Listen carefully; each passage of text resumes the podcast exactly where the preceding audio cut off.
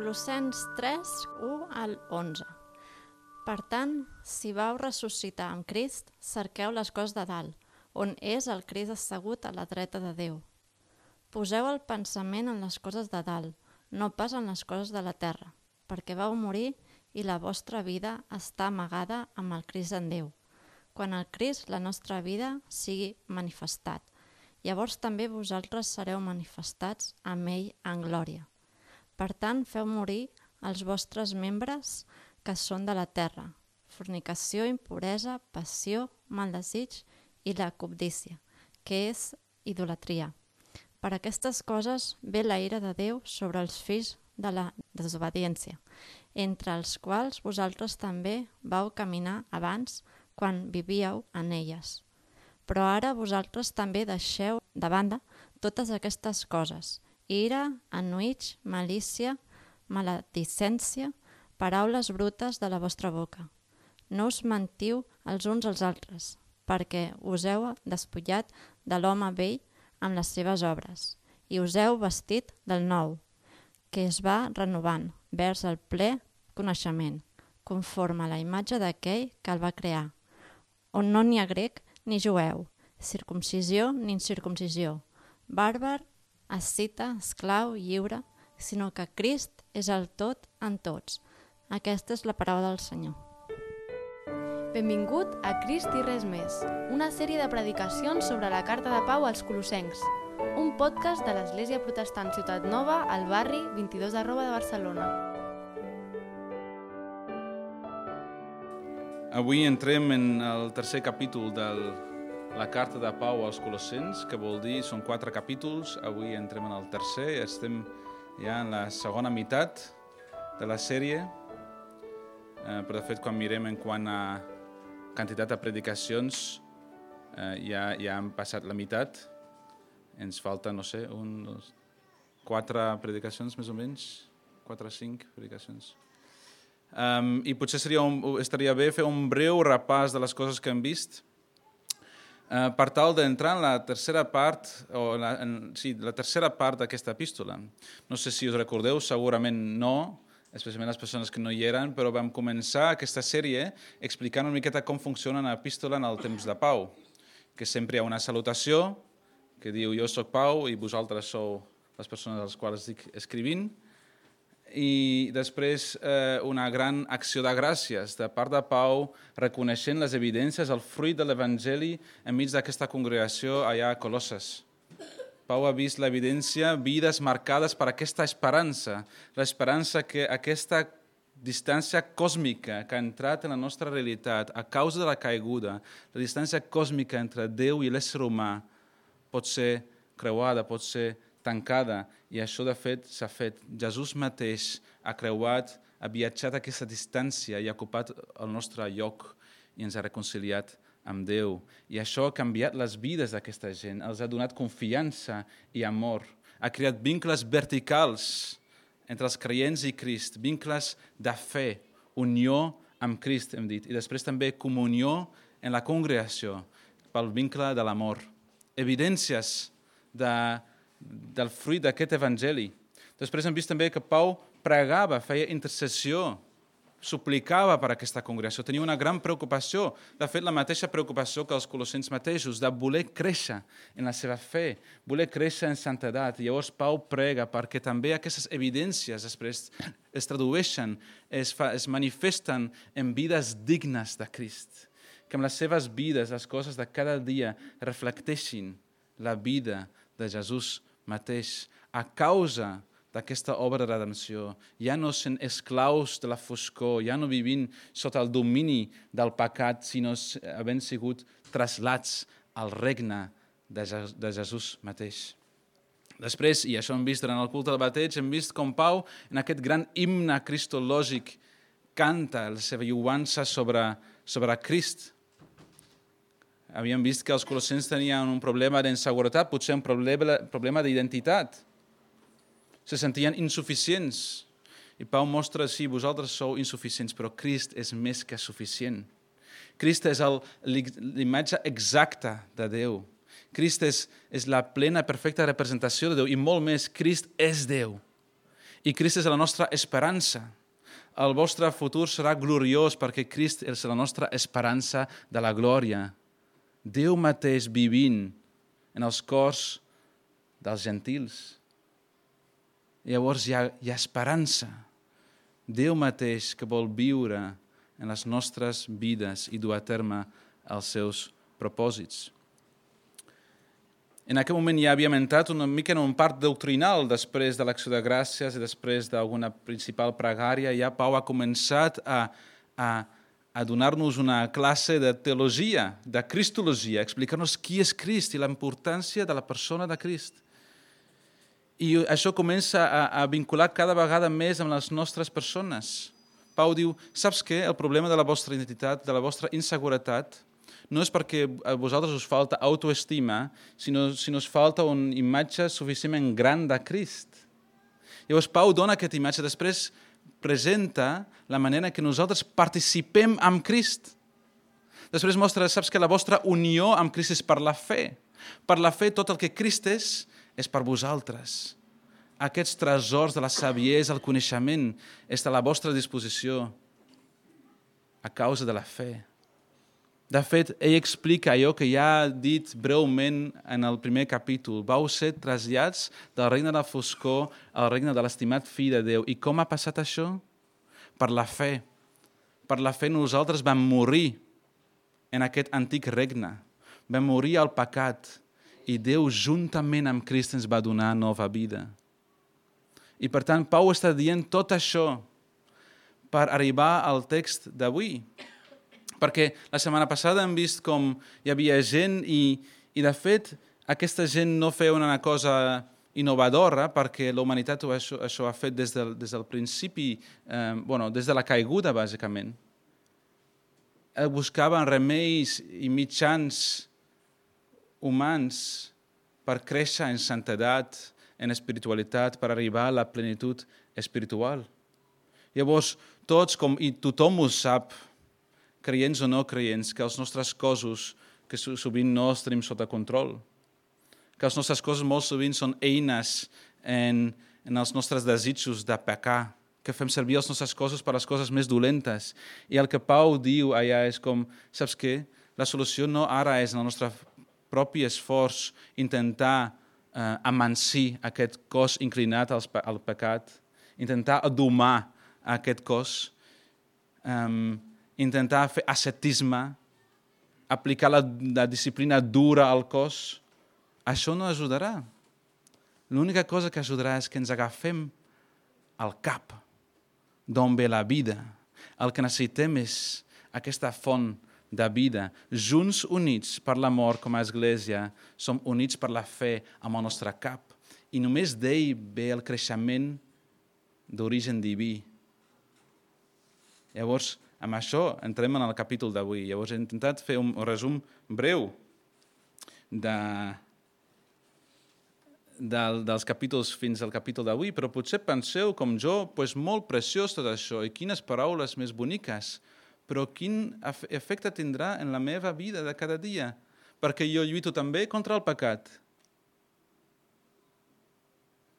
Jo també vull més plenitud espiritual, jo també vull créixer però si has explicat totes les maneres en què no s'ha de fer, Pau, si plau, ensenya'm com. Espero que aquesta sigui una preocupació de tots vosaltres també. No sé si vosaltres mai heu anat a una altra persona, un pastor, una persona que coneixeu, una persona que considereu més madura en la fe, possiblement, i preguntat com, qui són els passos per treure'm el pecat de la meva vida? Que desitjo desitja treure aquest pecat. Em fa desesperar. Pau, si aquestes no són les maneres d'intentar aplicar aquesta disciplina dura al meu cos, d'intentar ser un legalista, intentar, jo què sé, eh, trobar la meva confiança en rituals religiosos, quina llavors és la manera? I és justament això el que Pau ens vol començar a explicar en el capítol d'avui. Perquè si això no té un efecte real a la nostra vida de cada dia, tot això és totalment inútil. Si, no, si, si el missatge de Pau no transforma vides, Llavors què? Llavors avui entrem en el text de capítol 3 i llavors anem a veure en els propers tres, bueno, inclús, eh, incloent el, la predicació d'avui i les properes dues predicacions, anem a mirar exactament llavors de quina manera hauríem de viure llavors. I Pau dona tres respostes en el passatge d'avui. La primera cosa és pensar en Crist, primers quatre versets. La segona resposta és mata el pecat. I el tercer punt és vestiu-vos amb la nova humanitat. Vale? Pensa en Crist, mata el pecat i vesteix-te amb la nova humanitat. Vale? És, un, és un text que té tot a veure amb la nostra identitat. Un, coses que hem dit unes quantes vegades al llarg d'aquesta sèrie, però és important repetir-lo, Pau sempre vol afectar la manera en què pensem. Les vegades que Pau està parlant sobre intel·ligència, enteniment, coneixement, saviesa, a Pau li importa molt com pensem. Com entenem la nostra realitat. És això pel qual Pau ha, pregat en el primer capítol, que siguem omplerts amb tota la saviesa i tot el coneixement, amb, amb enteniment espiritual, és important com, com pensem i com mirem a la vida, quina cosmovisió que tenim, quina antropologia, com pensem sobre l'ésser humà, com pensem sobre el nostre món. I avui també ell comença no amb coses que hauríem de fer. Diu, cerqueu les coses de dalt, poseu el pensament en les coses de dalt. Això no és pensar breument avui durant la predicació, intentarem pensar en les coses de dalt, sinó és una crida, una exhortació a cada dia omplir la nostra ment, entrenar la nostra ment en les coses de dalt, d'entendre la nova realitat que Crist mateix ha inaugurat amb la seva mort i resurrecció. És ser persones que entenen molt bé que hi ha una nova realitat, del que, que tot el que veiem al nostre voltant no és, no és l'última realitat, que no té l'última paraula. Pau diu, poseu les coses, eh, poseu el pensament, cerqueu les coses de dalt de forma contínua, ocupar la nostra ment amb la nova realitat en Crist. I això no només és per pastors i teòlegs, o com es feia en el temps medieval, saps que ficarem algunes persones en monestirs i altres coses, ells s'ocuparan de les coses religioses, ells pensaran en això i nosaltres farem les coses realment importants, les coses seculars. No, tots nosaltres som cridats a posar el nostre pensament en aquesta nova realitat, la realitat de la resurrecció. Sí, vau ressuscitar amb Crist. I Pau bàsicament diu, ja que vau ressuscitar amb Crist. La resurrecció ha inaugurat una nova realitat, la garantia de que tot pot ser renovat, i això hem d'entendre quan lluitem contra el pecat. Tot serà renovat, també els nostres cors pecaminosos, també les nostres inclinacions pecaminoses tot serà renovat. Quan Pau parla de les coses de dalt, està parlant primerament de l'autoritat de Crist. Quan Crist va ascendir al cel després de la seva resurrecció, va dir, m'ha estat donada tota l'autoritat en el cel i sobre la terra. Pau diu, esteu en unió amb la persona que té la plena autoritat. Penseu en les coses de dalt on Crist és assegut a la dreta de Déu. Això és un llenguatge antic testamentari per la força, l'autoritat de Déu. Déu redimeix el seu poble amb el seu braç dreta, no? el seu braç poderós. Salm 110 diu sobre Javé, diu oh, el meu Senyor, seu a la meva dreta. És, de, de fet, és, és eh, la funció executiva de la Trinitat Jesús està assegut. Jesús no és un dels servents, un dels àngels que està servint a Déu. No, Jesús està assegut i rep lluança. I està a la dreta de Déu, representa la força de Déu, la seva autoritat.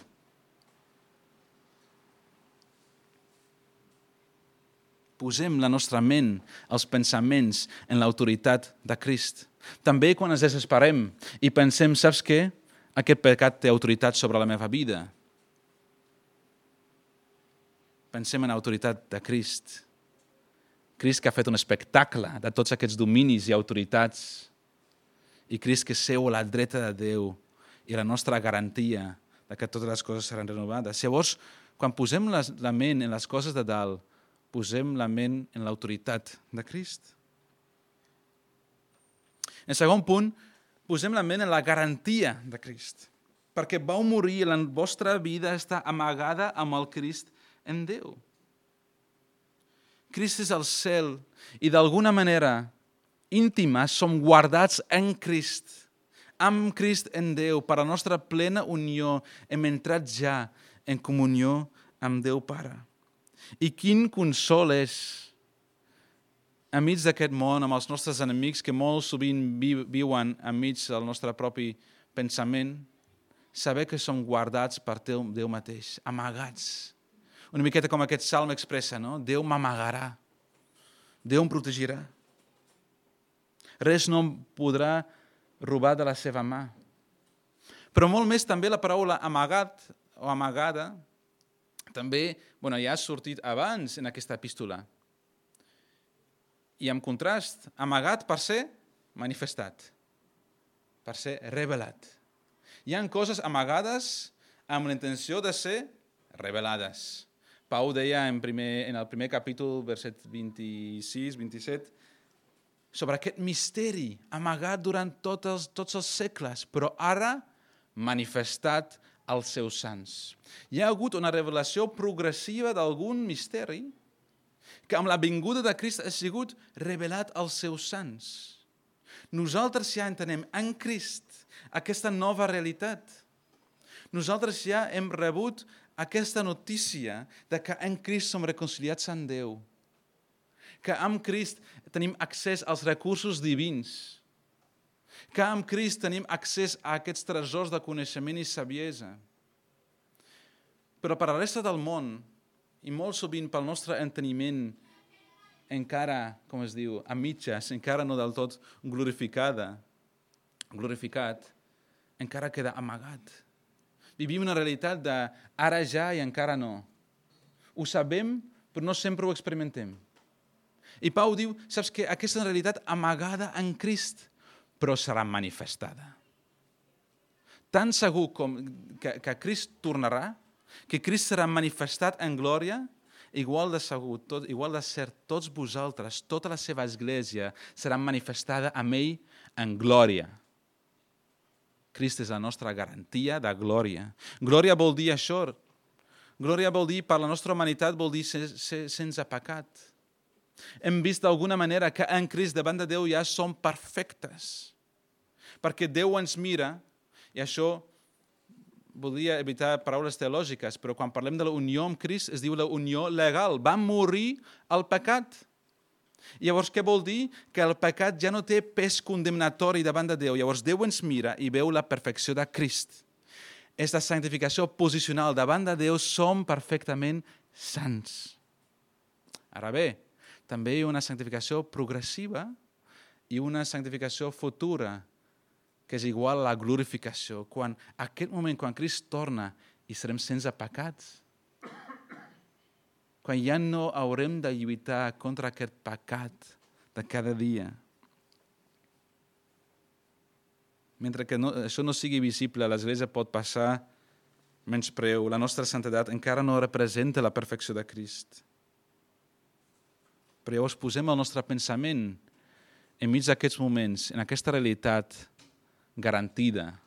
La realitat que ja és realitzada al cel i serà manifestada plenament quan Crist torna. M'he saltat un element, un element molt important. Quan Pau diu quan, quan el Crist, i què diu? Que és la nostra vida serà manifestat. O la vostra vida, dona una mica igual, si nostra vostra en aquest sentit, si Pau s'inclou o no. Quan Crist la vostra vida. Fins ara hem estat parlant d'unió amb Crist, ser considerats junts amb Crist, ser trobat en Crist. La unió amb Crist vol dir Crist va morir, això és un esdeveniment històric, la fe fa d'aquest esdeveniment històric un esdeveniment personal. Crist va morir per mi. I ara Pau va molt més enllà. Arriba la plena identificació. Crist, que és la vostra vida. Hi ha hagut una total transfusió de sang amb Crist hem rebut la nova vida, la vida de la resurrecció, la vida de la nova creació. Això és fort. Això diríem llavors, si l'altre és l'unió legal, l'unió vital. Som units amb Crist i llavors bàsicament la seva sang passa pel nostre cos. La font, Crist és ara la font de la nova vida. Això és molt fort. Vol dir que d'alguna manera ja som les primícies de la nova creació. Crist ja ha començat, ja ha inaugurat la nova creació i ja està fent en nosaltres mateixos aquestes reformes, aquesta renovació de la creació. En nosaltres està creant això que serà plenament visible quan ell torni i la nova creació serà consumada. Ho hem de recordar enmig de la lluita contra el pecat, enmig de la lluita per la santedat. Pau diu també, 2 Corintis 5, si algú és en Crist, és una nova creació. Les coses velles han passat, tot ha estat fet nou. Església, el que Jesús, per mitjà de Pau, aquí ens vol recordar és la nostra identitat celestial. Ja som ciutadans del cel. Pau està parlant del cel quan parla de les coses de dalt i, i la Bíblia diu massa poques coses sobre el cel. Sempre ens agrada escriure més llibres amb coses que la Bíblia no diu sobre el cel. No diu moltes coses sobre el cel, però una cosa que sabem. Al cel Jesús ja exerceix el seu ple govern. Aquest Crist que va morir pels nostres pecats allà és rei reconegut. I nosaltres som ciutadans d'aquest regne. Per això posem el nostre pensament allà, recordem la nostra identitat. Pau també ho diu en la seva carta als, als filipens, unes cartes, altres cartes que va escriure a la presó. Capítol 4. Plora quan pensa d'aquesta gent que... No, capítol 3. Perquè molts dels quals sovint us he parlat i ara us en parlo plorant, caminen com a enemics de la creu de Crist, la fi dels quals és la perdició, que diu, tenen el pensament en les coses terrenals. I ell diu, perquè la nostra ciutadania és en els cels, d'on també esperem amb anel el nostre Salvador, el Senyor Jesucrist, que transformarà el cos de la nostra humiliació per fer-lo conforme al cos de la seva glòria segons l'operació amb el qual ell pot submetre a si mateix totes les coses. El nostre rei té tota l'autoritat, també sobre els nostres cossos. Llavors, en contrast amb el que va, que va criticar aquests falsos mestres de la setmana passada, diu, agafeu-vos al cap que està al cel. Vosaltres sou el cos del Crist ressuscitat. Agafats a Crist, el qui té l'autoritat. La nostra garantia, la font de nova vida, la font de creixement diví. Nosaltres podem créixer aquí, a la terra. Aquí ja es pot començar a manifestar de mica en mica aquesta renovació de les nostres vides. És un tema d'identitat. Hem estat parlant de la maduresa espiritual, no? Una persona madura és una persona que té una identitat ferma, que sap qui és. Les circumstàncies poden canviar i poden haver grans reptes, però saps qui ets enmig de tot això. Sabem qui som, Església? Sabem la identitat de la nostra església, de la nostra comunitat? És una església, una comunitat ben agafada a Crist mateix. Tens aquest anel, aquesta confiança? Trobes en Crist la font de la teva nova vida? És curiós, eh? Pau ha començat en aquestes exhortacions sobre com hauríem de viure, no un imperatiu. bueno, sí, penseu, cerqueu les coses, però de pensament, no ni, ni, ni d'acció primer ell dirigeix les nostres mirades de nou, una altra vegada, a Crist. I és justament això que l'Església ha de fer una i altra vegada. És la funció de l'Església. Venim aquí els diumenges i què farem? Sinó aixecar les vostres mirades i les nostres mirades de nou amunt a les coses de dalt. Posem les coses en perspectiva. després de que el món durant tota la setmana ho ha posat en desordre. Tornem a ordenar els pensaments. Ha començat amb la nova vida en Crist, perquè sense aquesta nova vida, lluitar contra el pecat és en va. És en va, és inútil, és impossible, de fet. El purità John Owen fa uns segles va escriure un llibre i el títol segurament us espantarà, es diu La mortificació dels pecats en la vida dels creients. Només si has rebut juntament amb Crist la nova vida, llavors pots matar el pecat i has de matar el pecat. John Piper ho diu així, només pots lluitar contra el pecat perdonat. I quan sabem que ja has perdonat, ja ha rebut també, ha perdut la seva autoritat, la seva força. És important entendre això. Però els que ara participen d'aquesta nova vida són qualificats, són capacitats per matar el pecat. Cada dia som cridats a, a fer una guerra santa contra el pecat cridats a matar el pecat sense misericòrdia, sense pensar-hi dues vegades. Mata'l. Treure-ho amb arel i tot. Feu morir els membres que són a la terra. Això vol dir mortificar aquesta paraula antiga. Vol dir tallar els arrels, tallar el subministrament. Què passa quan tallen el subministrament? Res, sincerament. Obres la xeta però no hi surt aigua. Pots encendre la llum, però... No, no, de fet, no pots encendre la llum. Quan tallem el subministrament del pecat, no rebrà vida. Quan posem les coses, el pensament en les coses de dalt, estem alimentant aquesta nova vida. I quan matem el pecat, estem, de fet, eh, com es diu, s'ha de fer morir de gana aquests pecats. Assegurar que no rebin alimentació. Pau no diu, per tant, intenteu controlar una miqueta les vostres tendències pecaminoses, perquè això no està ben vist per un cristià. No. I la Bíblia mai parla així. El Nou Testament també, l'Antic i el Nou Testament parla de forma molt clara i oberta sobre el pecat. I potser ens incomoda quan parlem, quan Pau diu fornicació, impuresa i passió, i mals desitjos i cobdícia.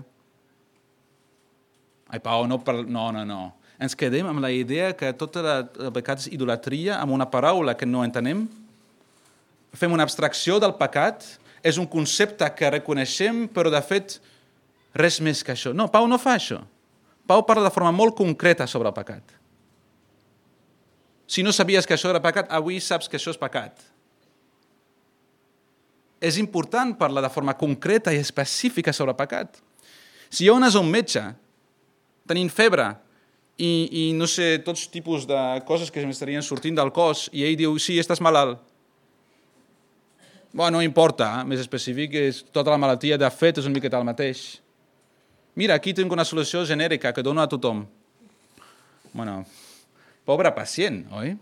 El que volem d'un metge és que estudia les malalties, els símptomes, que passa molt de temps de veritat investigant malalties. És la seva feina. I llavors, quan vas al metge, i metges, corregeu-me, que tinc uns quants aquí, ells intenten diagnosticar amb la més gran precisió la teva malaltia. Cert o sí, no? I després no donen alguna solució genèrica, sinó intenten donar-te algun medicament més, més precís possible per tractar amb aquesta malaltia amb gran determinació. Però nosaltres, quan parlem de les més grans malalties de la nostra ànima, fem totalment el contrari. Sí, sí, sí, el, sí, ja, clar, tots som pecadors i... Parlem obertament sobre el pecat. Per què és important això? Perquè si tu no coneixes el teu oponent com si el Barça la setmana vinent juga contra un equip i l'entrenador diu sí, sí, juguen amb 11 jugadors i alguna pilota hi haurà al camp, si, si els analistes eh, de vídeo i tot això no han fet la seva feina i han desenvolupat una estratègia, pobre entrenador i pobre equip. Cal analitzar, entendre. ja conscients de la nostra unió legal, sabent que aquest pecat ja no té autoritat sobre nosaltres, desemascarem aquest pecat, desmitifiquem aquest pecat. Parlem dels seus arrels, perquè si hem de tallar el pecat pels seus arrels, cal conèixer els seus arrels. Molt sovint, en moltes converses que en parlem sobre el pecat, i tots nosaltres lluitem contra el pecat, generalment el que més, més es molesta és la part visible del pecat és potser l'última etapa del pecat. I estem intentant lluitar contra aquest pecat, mentre que deixem sense atenció qualsevol etapa anterior, que passa de forma desapercebuda, inclús rebem amb, amb alegria inclús algunes d'aquestes etapes, aquestes fases anteriors a la manifestació visible del pecat. Per què dic això? Perquè quan Pau fa aquest llistat, només hi ha un pecat que és una acció física i visible, és la fornicació. Però una persona no comet fornicació d'un segon a un altre. Hi han passat moltes coses abans de que això passi. Pau diu fornicació, que és porneia en grec. I Pau segurament es referia, com en altres cartes, a prostitució al temple i altres formes d'immoralitat. I en el dia d'avui potser les formes han canviat, però en essència aquest pecat és encara el mateix. És, és l'activitat sexual fora del matrimoni, que pot passar amb el teu xicot o xicota abans de casar-te, pot ser amb un altre home o dona quan estàs casat, o pot ser tot sol darrere de la pantalla d'ordinador. Porneia. Però abans de que passi això, ja han passat moltes coses. I per tant cal entendre els arrels. Pau diu això. No cal lamentar les conseqüències destructives del pecat si no mirem les etapes anteriors. Llavors, ara mirem al revés. Vale? He anomenat fornicació, però comencem al revés. Perquè Pau va de més específic a més general. Comença amb cobdícia, acaba amb cobdícia. Cobdícia és l'últim manament.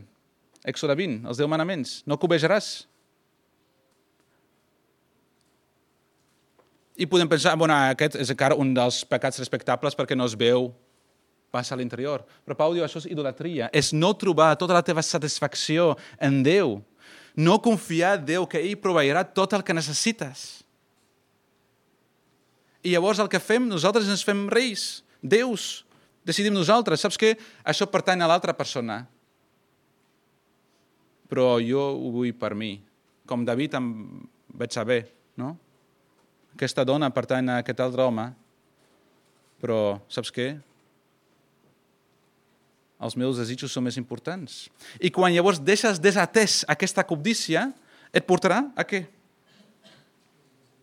Mal desig. Desitjos no són dolents, però mals desitjos sí. És quan això es converteix de veritat en desitjar coses que no et pertoquen. I això et porta, si és desatès de nou, si no saps detectar, et porta a la passió. Gràcies, no tinc el text davant. Eh, et porta la passió, la luxúria, el, el, la, el, el desig incontrolat sexual que ja comença a dominar els teus pensaments. I això et porta a la impuresa, comença a afectar i contaminar el teu caràcter, fins al punt, quan el pecat et té en aquest lloc, on aquest pas fins a la fornicació ja no és tan gran. Pau diu, mateu el pecat. Mateu el pecat de la fornicació, però també mateu d'igual manera el pecat de la cobdícia. Quan trobem aquest arrel en el nostre cor, traiem-lo amb tota la força. John Owen, en el seu llibre sobre la mortificació del pecat, diu «Oposa't vigorosament en contra dels primers senyals del teu pecat. No li cedeixis terreny. Si el pecat pot fer un pas endavant, en farà dos. És impossible establir límits amb el pecat. Oposa-t'hi amb totes les teves forces, amb la mateixa indignació que faria si hagués aconseguit el que es proposa. Pensa el que un pensament impur aconseguiria. Et faria caure en una espiral de bogeria i immundícia. Què és el que l'enveja aconsegueix? Crim i destrucció és el seu resultat oposa-t'hi amb el mateix vigor que ho faria si estigués a punt de pervertir-te completament. En la mesura que el pecat guanya terreny en les emocions, també ho fa menys menyscabant l'enteniment. Si no tractes de forma dràstica i, i determinada amb els primers senyals del pecat, t'anirà guanyant les emocions i l'enteniment. I ja no entens que això és pecat. Potser ho entens, però ens estem autoenganyant preguntem una mica com Owen, cobdícia, què és el que proposes amb la meva vida? Pues vull trencar el matrimoni, la teva alegria vull treure. Et vull deixar sense la teva assegurança en Crist. És, això és el, que és el meu propòsit per la teva vida. Ah, doncs pues fora. Amb una, xico, amb una filla que porta el xicot la primera vegada a casa i li preguntes quines són les teves intencions. Si són intencions dolentes, doncs pues fora no el deixis dormir al sofà. Pregunta-li aquestes coses. Quines són les teves intencions amb la meva vida? Fora. No t'alimentaré, no et donaré de menjar. Tu moriràs de fam. Per tant, amb la nova vida en Crist, posem els nostres pensaments en Crist en la nostra identitat en Crist, en la nostra ciutadania celestial, amb tots els recursos que tenim en Crist i matem aquesta vida antiga, en la qual abans caminava, abans això era la nostra vida, pecar, buscar nosaltres mateixos, però ara Crist és la nostra vida.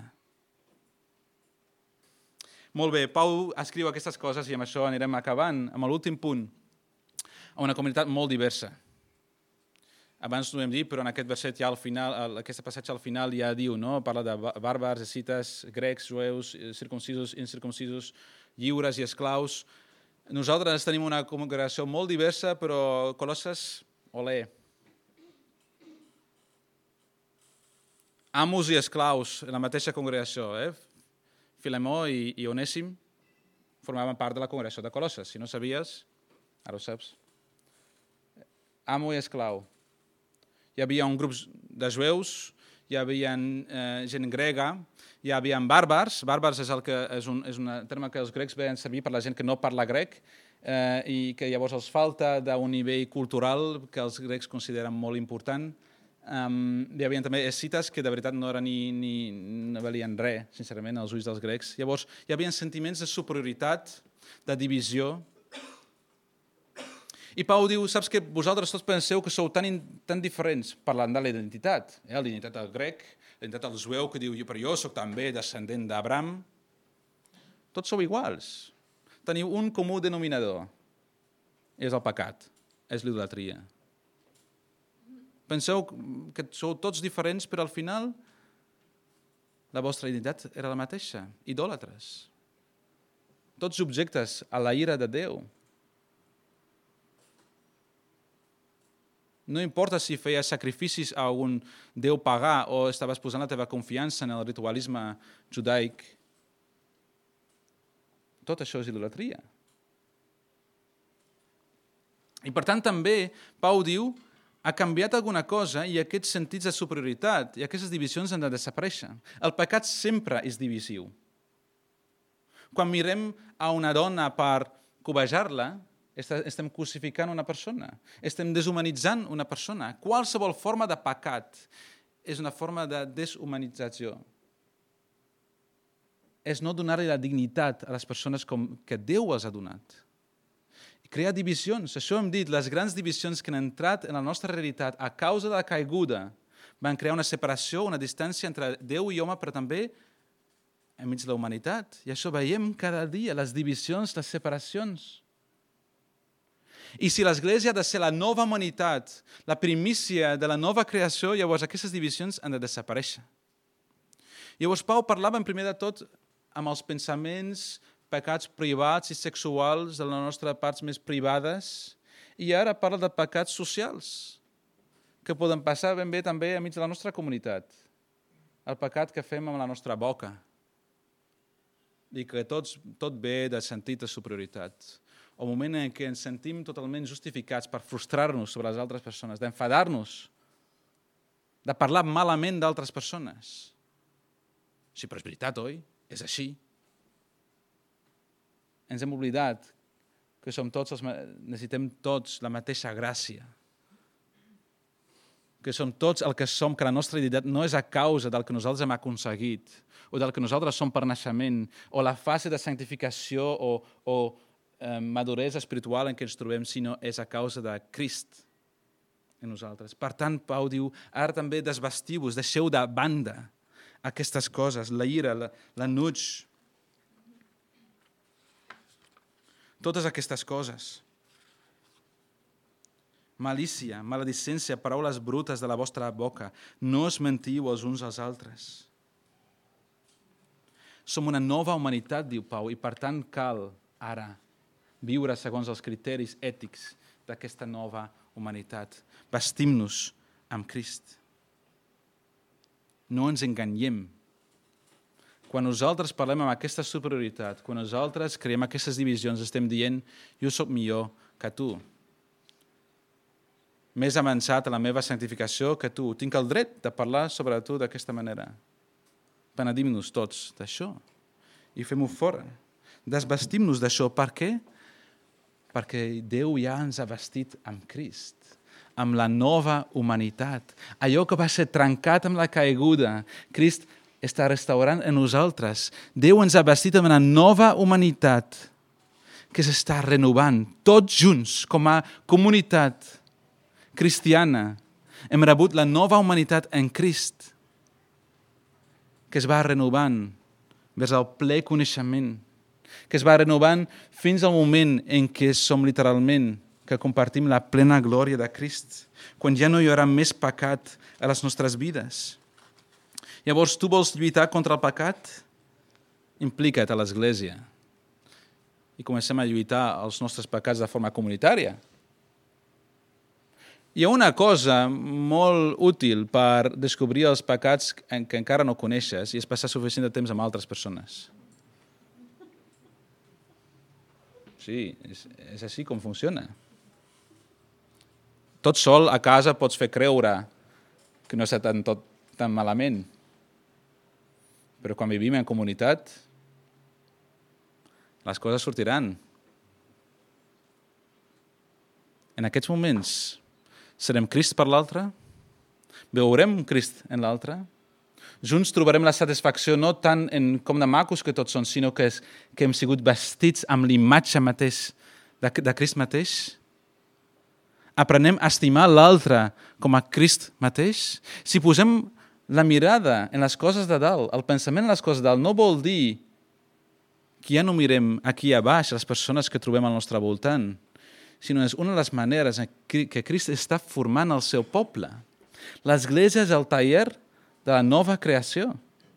És aquí on aprenem viure segons els principis de la nova creació. I de forma concreta ho veurem en la setmana, la setmana vinent, la predicació. El títol Vestim-nos amb Crist de forma concreta, es veurà la dinàmica d'aquesta comunitat. Però ara ja sabem, deixem, pensem dues vegades, no, tres vegades, abans de parlar de la forma imprudent d'una altra persona, a una altra persona. Quan ens sentim justificats per parlar d'aquesta manera, no ho fem. I posem en pregària. No vol dir que hem d'ignorar les coses que no van bé, però aprenem abans de criticar les altres, abans de sentir-nos superiors, aprenem a estimar i servir els altres. És això que passarà quan Crist serà el tot i en tots, quan en ell trobem tota la nostra satisfacció i que el veurem de forma clara en les vides dels altres. Església, acabem. Crist el tot i en tots. És Crist tot el que necessites? És Crist tot el que busques cada dia? És el desig dels nostres pensaments de, de contemplar Crist? la seva autoritat, la seva garantia, la seva vida. Pensem en això quan costa. I recordem Crist té autoritat sobre les nostres vides. Crist és la garantia de la nostra plena santificació i Crist és la font de la nova vida.